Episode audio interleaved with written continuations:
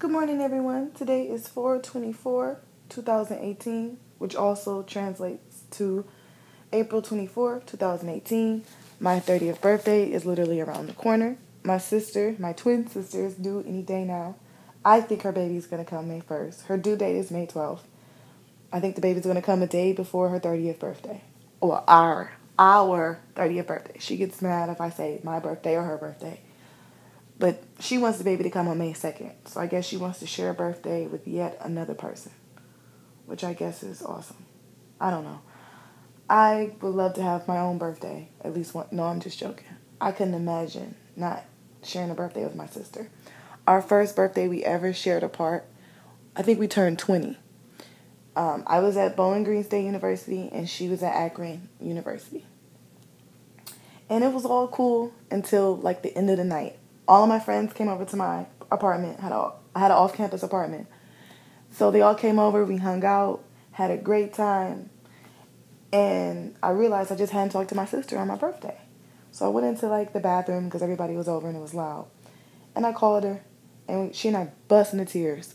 Then we called our mom on three way, and instead of like trying to calm us down, she started crying with us. Literally, at 20 years old, we were crying like, I never spent a birthday apart before. We never spent a birthday apart. This is so weird. So we made sure for our 21st birthday, we had our separate stuff, but then we made sure we came together. But on our 20th birthday, I think I had a final. So I couldn't go to Akron or we couldn't meet somewhere to do something for our birthday. It was really bad. So we made a pact to make sure we make time to do something for our birthday together.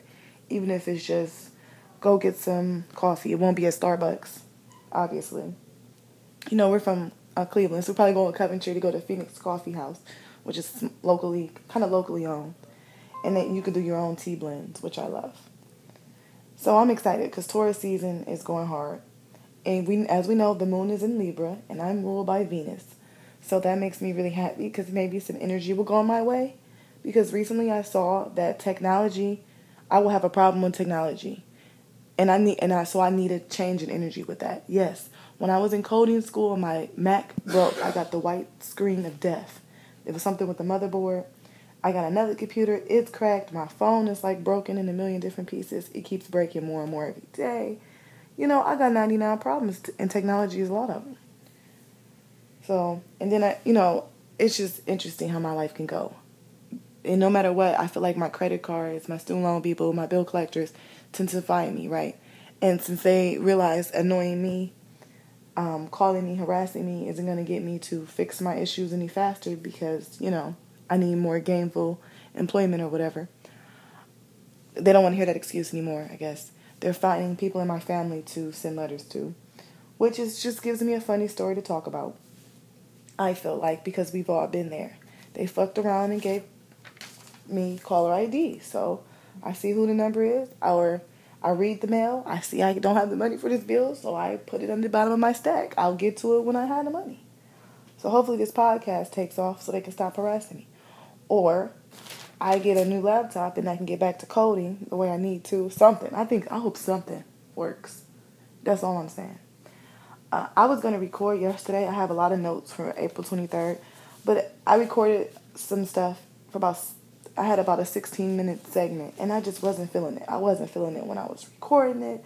I didn't like it after it was finished. I don't know. I, I feel like it was all the issues that I was talking about or just the subject matter was all kind of about the same type of topic.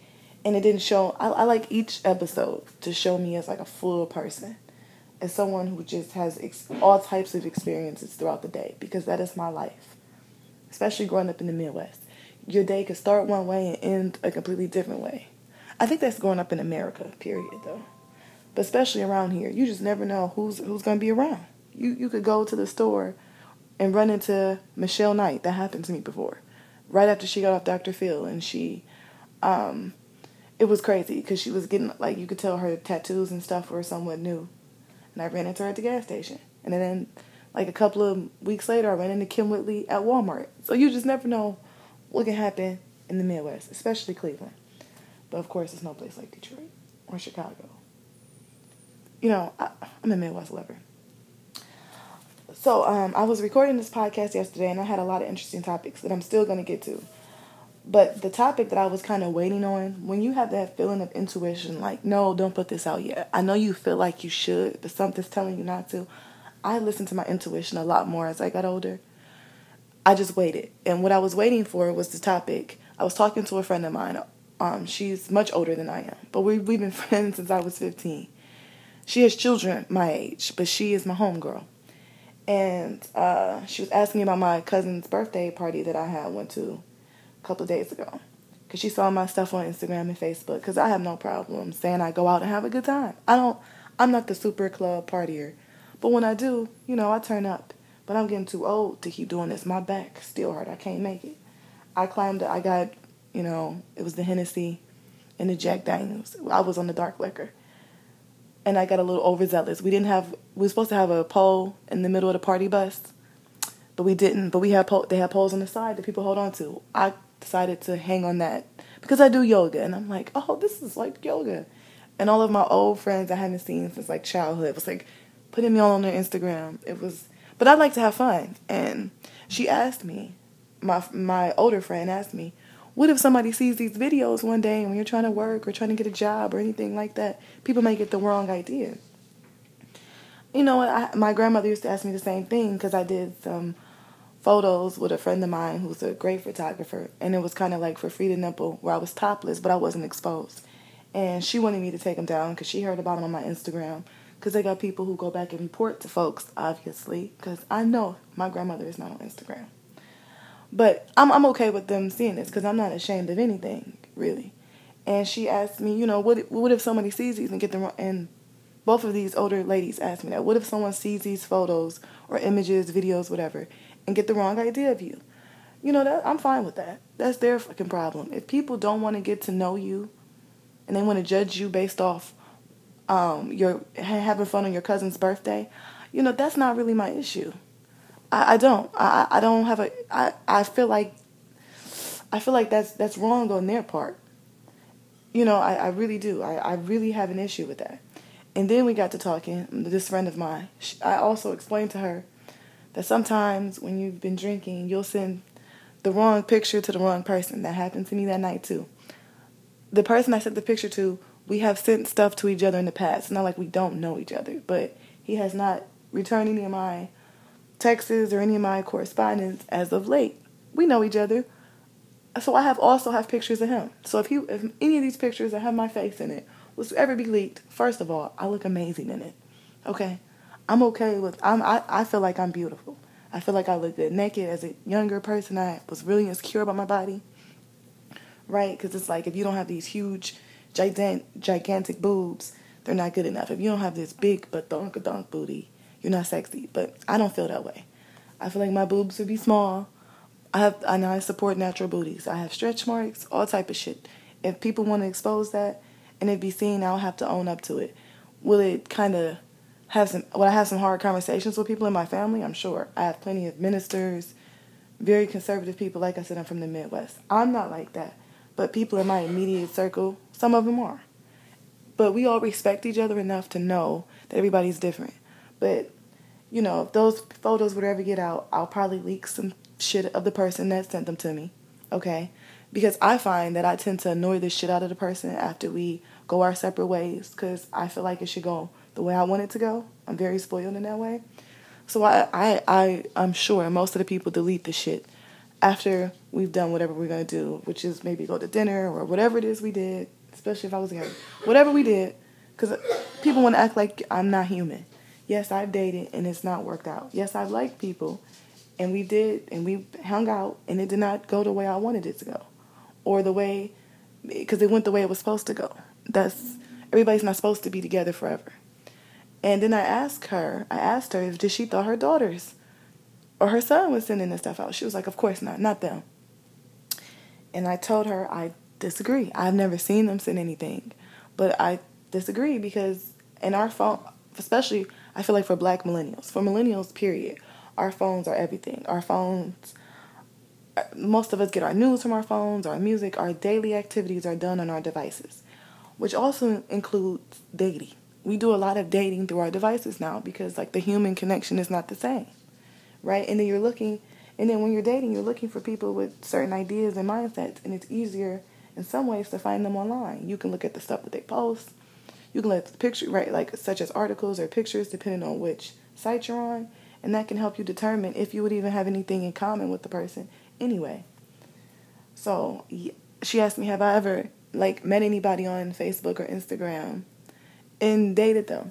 And the answer is kind of, sort of. Okay, here's the thing. Usually I've met the person at least once in person, or we've met each other in passing, or we have mutual friends and we connected on like Facebook or Instagram.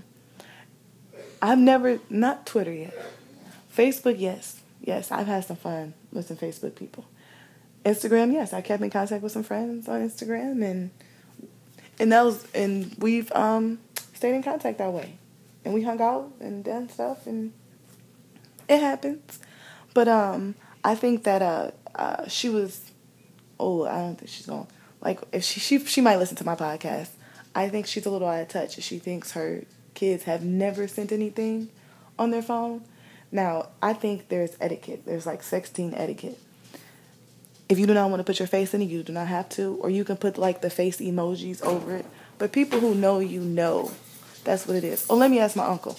Hey, you ever send any nudes through your phone? Yeah. Yes. Would you be mad if they got out? Not really. Not really. Me either. I don't have nothing embarrassing. Say that well, again. I'm well endowed. Yeah.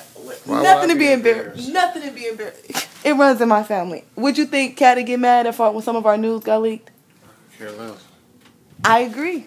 I think they'll get over it. Our family loves us. They understand that we're kind of the hippies, or that's what they call us, the hippies. But if my dudes got out, you know, I think, but I think for girls it's a little bit different. We get labeled a lot faster for our indiscretions or whatever.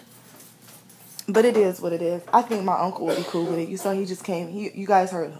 He came in here and said he has nothing to be ashamed of. I don't either. Our family might feel some type of way about it, but I think they understand. They know I'm young. They know I do dumb shit or things they don't agree with because I don't think it's dumb. I enjoy I enjoy getting the pictures or videos, and I kind of enjoy sending them. They make me feel sexy, you know. And then we get into this debate. Well, I am a daddyless daughter, so I think sometimes I search for love in all the wrong places, which is, you know, it is what it is. So maybe people can argue that, and I would say that's true. I never had my biological father really as a stable force in my life, but I had a lot of other people who taught me how to value myself and love myself. But, you know, I'm sure all of that is connected. But I still have to live my life the way the, the, the best fit for me. Peaches, you guys hear my pit bull Peaches? Come here. You want to say what's up to the people? Yes, I have a pit bull and her name is Peaches. She reminds me of Jada Pinkett off that movie Low Down Dirty Shame. One of my favorite movies. What's up, Peaches? You want to bark? Say hey. Rough, rough, rough. You're not gonna bark? Okay, Peaches is not is being camera shy. Okay, but now I want to talk about. Okay, Peaches. No, I'm not about to play with you right now. I'm talking to my friends on my podcast. Go away. You're always trying to jump on my bed. That's gross. And you need a bath. When you go outside and play with those other dogs, who knows what you. Yuck. So, Peaches, you be sexting too, don't you? If you had thumbs, would you send a selfie? Cause I got a picture, I got a video on her on Instagram. My sister has the male dog, a male pit, and you know we're trying to get them to mate, and they definitely were doing it doggy style. And I'll put it up on my Instagram. Is that doggy porn? I don't know. Well, anyway, so now to move on to some more serious events that occurred um, from from this week because they're not just all from April 23rd. But I did want to say I want to congratulations to the Cavs because they now tied the series up. And you guys remember that first quarter final shot J.R. Smith took from like 75 feet away? That was simply amazing. It was poetry in motion. It looked like some shit out of Space Jam or one of those movies like Angels in the Outfield where it's like this miracle type type of situation, right? And I think LeBron James has the ability to bring that out of everybody. Because even Indiana is playing better. You had every person in the stands in Indiana on their feet.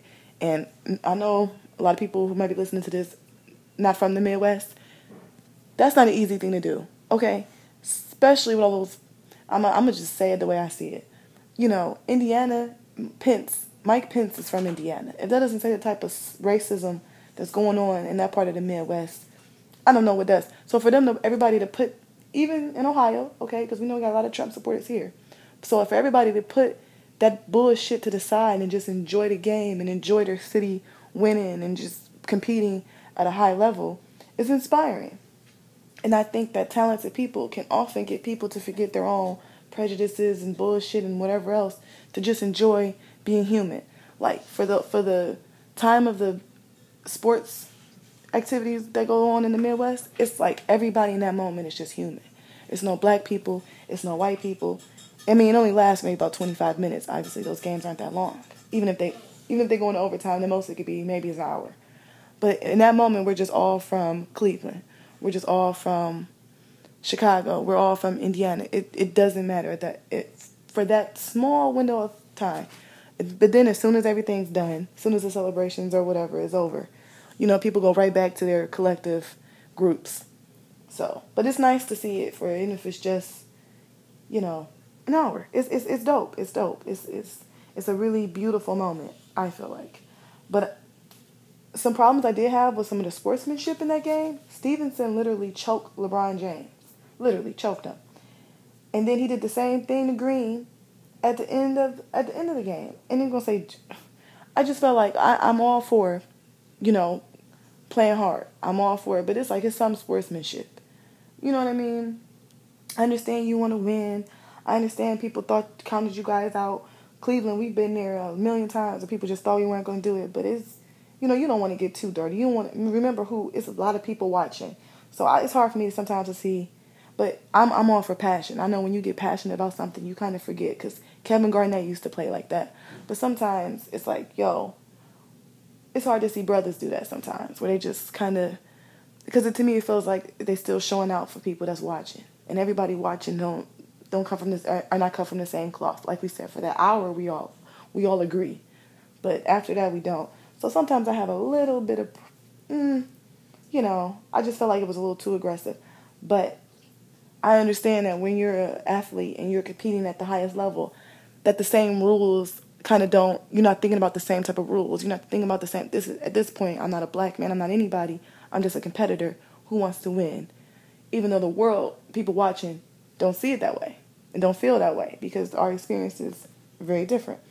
But i enjoyed the game and but it, it got me to thinking about this article i read and then the article asked the question it was by james mcwilliams and he asked are universities exploiting black, black male athletes in order to raise revenue and um, a recent some recent research from University of Southern California would suggest yes. I would argue university, colleges, higher education period exploits all of its students. The athletes, the nerds, the whoever, the slackers, they exploit everybody. They want everybody's money. You work really hard in college. Even people who don't get good grades still somewhat have to work. You cannot just pass by not doing anything. It's not high school you know, you do all of these internships, maybe like six, oh, excuse me, like six, bitter maybe, with the hope of getting a job. You know, it doesn't eliminate racial bias, it doesn't eliminate sexual bias, gender bias, none of that. It a lot of my LGBT friends who looked LGBT, and I'm talking about they wear the haircuts and things like that, was explaining I might not get a job, and, my, and a friend of mine was in hospitality management she was explaining, you know, I'm a woman with a mohawk, really short, cut short to the literally. She had very little hair. She's like, this isn't considered feminine. This isn't okay in a lot of circles, you know, and I might not get hired being at the front in hospitality. I know that, but I'm, a, you know, I'm still coming to school. I'm still do my best. And I thought that was, you know, that's admirable for all of us. But I think higher education exploits a lot of people.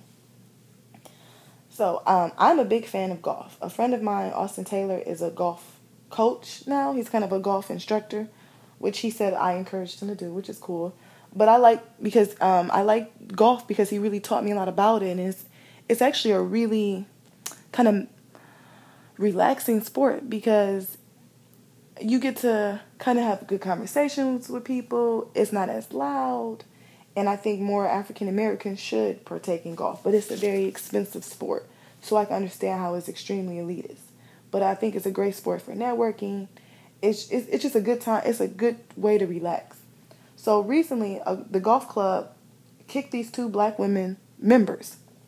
They, these were members, black women who were members of this golf club off out of the out of the greens. They kicked them off the property, period, but they made them leave the greens right away.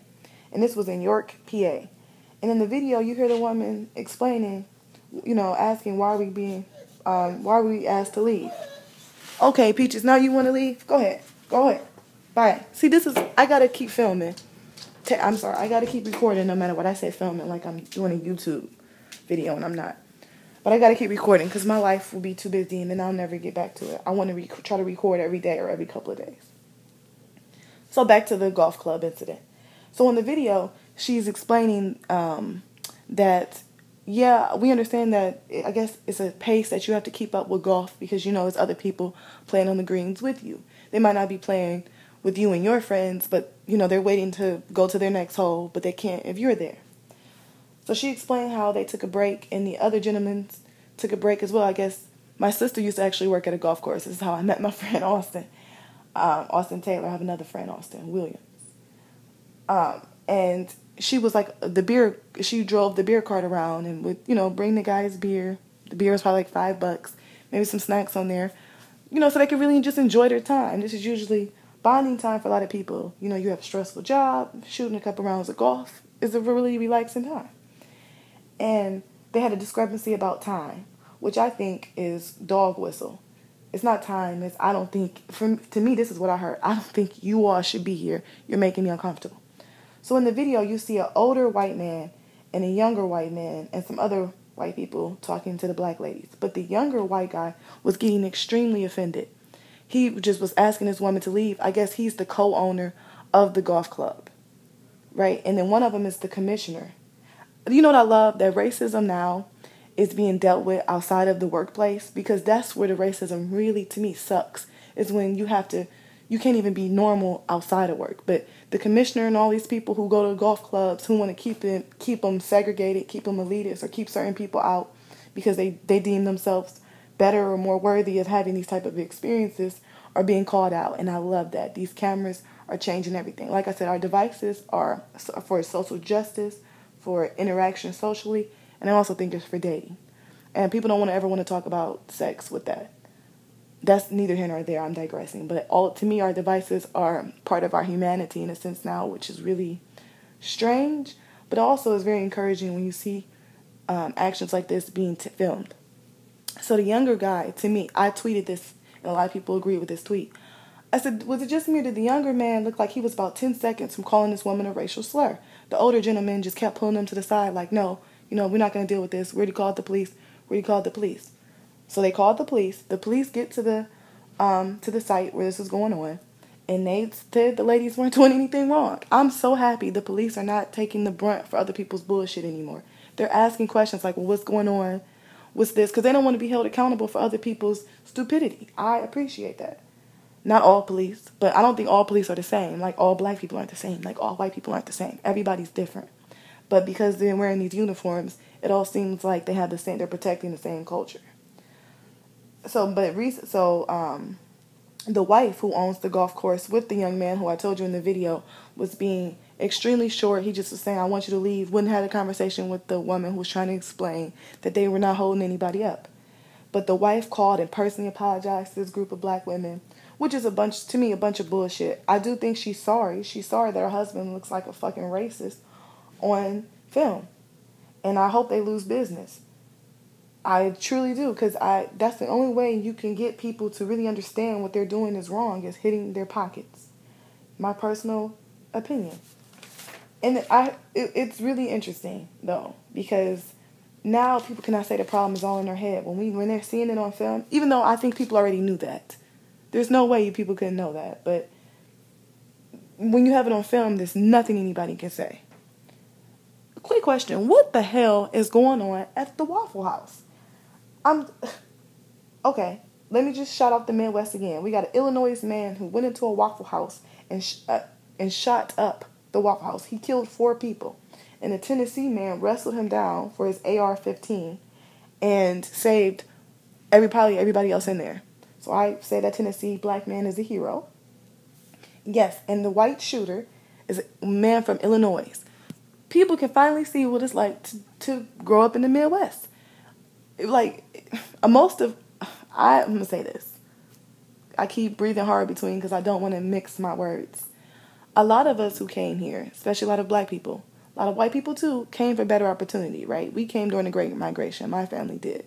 They left the rural South, segregated Jim Crow South. Lynching was huge in Mississippi, where my grandmother, great grandmother, was from. She came to Cleveland and eventually sent for all her brothers and sisters to come to Cleveland. Her one sister went to Chicago right? So that's how we got here. And that's how a lot of people in my community came up north to the Midwest was for opportunity. And a lot of poor white people did the same thing. They left like Florida, all of these other kind of deep southern places to come here. So it's not that they don't know racism. It was just never segregation and stuff was never legal here like it was in the South.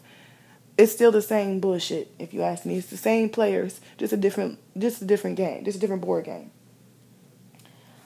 but this so but this um, man was actually arrested. They found him. He was at large. I don't know how he managed to escape after having an AR-15 and shooting up a Waffle House, but he did. But he was arrested, which is a good thing. And another, and in, in in Alabama, a white cop was called because a lady was asking about the price of the plastic silverware. She was explaining she was just there yesterday and didn't have to pay the price for the plastic silverware, so she asked for Corbin's number because she wanted to talk about this. You know, she thought this was unfair because she was just here yesterday. And I guess the police was called on her. The police were called on this woman for asking about the plastic silverware she was charged for, right? Because she wanted to call Corbin and, and, and inquire more about this this charge because she felt like it was unfair. The police literally dragged this woman out of her clothes. Literally, her friend even yelled, "They got your titties all out, literally boobs everywhere." So another reason why I wouldn't care if my nudes got out, because the the police is exposing black women anyway. Honestly, I feel like if she was white being dragged like that and she was exposed, they would have stopped that harmful treatment and at least let her cover herself. And he actually said in the video, "I'm going to break your arm." Okay, I don't understand how men can get away with talking to women like that. I, I, I reminds me of high school I was in study hall. I've told this story before. I don't know if I told it on here, but I'm gonna. I, I have my same. Ex- I have some key experiences that I pulled from, and it was this white kid, and he thought he kind of reminded me of Michael Rapaport because he thought he was down with all the black people because he was really good in sports, right? And our school at that time was pretty half and half. We had a good mix of black people, good mix of white people, good mix of others, right? So um, he he kind of pissed off everybody, but most people let it go. And I asked him several times to just leave me the F alone. I just asked him. And the teacher heard me ask him. And one time I cussed at him, and she was like, Hey, the teacher said, Hey, I don't want to hear you cussing. That's not your thing. I don't want you to get in trouble. I want to write you up for that. I said, Well, you can you tell this young man to leave me alone? Sure I didn't use that language, but I said, Can you tell him to stop? He would not stop. Then one day he said, No, the twins are dykes. And I turned around and said, No, your mother a dyke. His mother was dead. That's that is why in a couple days that was like a Friday. On that like that Tuesday after we came back, we had a long break. I did apologize for speaking ill of the dead because I was raised different than that. But I still would have, if I could go back in time, I still would have said something to him. But I probably would have said his sister or somebody, somebody who was still alive, because you don't want to talk ill of, speak ill of the dead. But um, and everybody told me he cried later about this.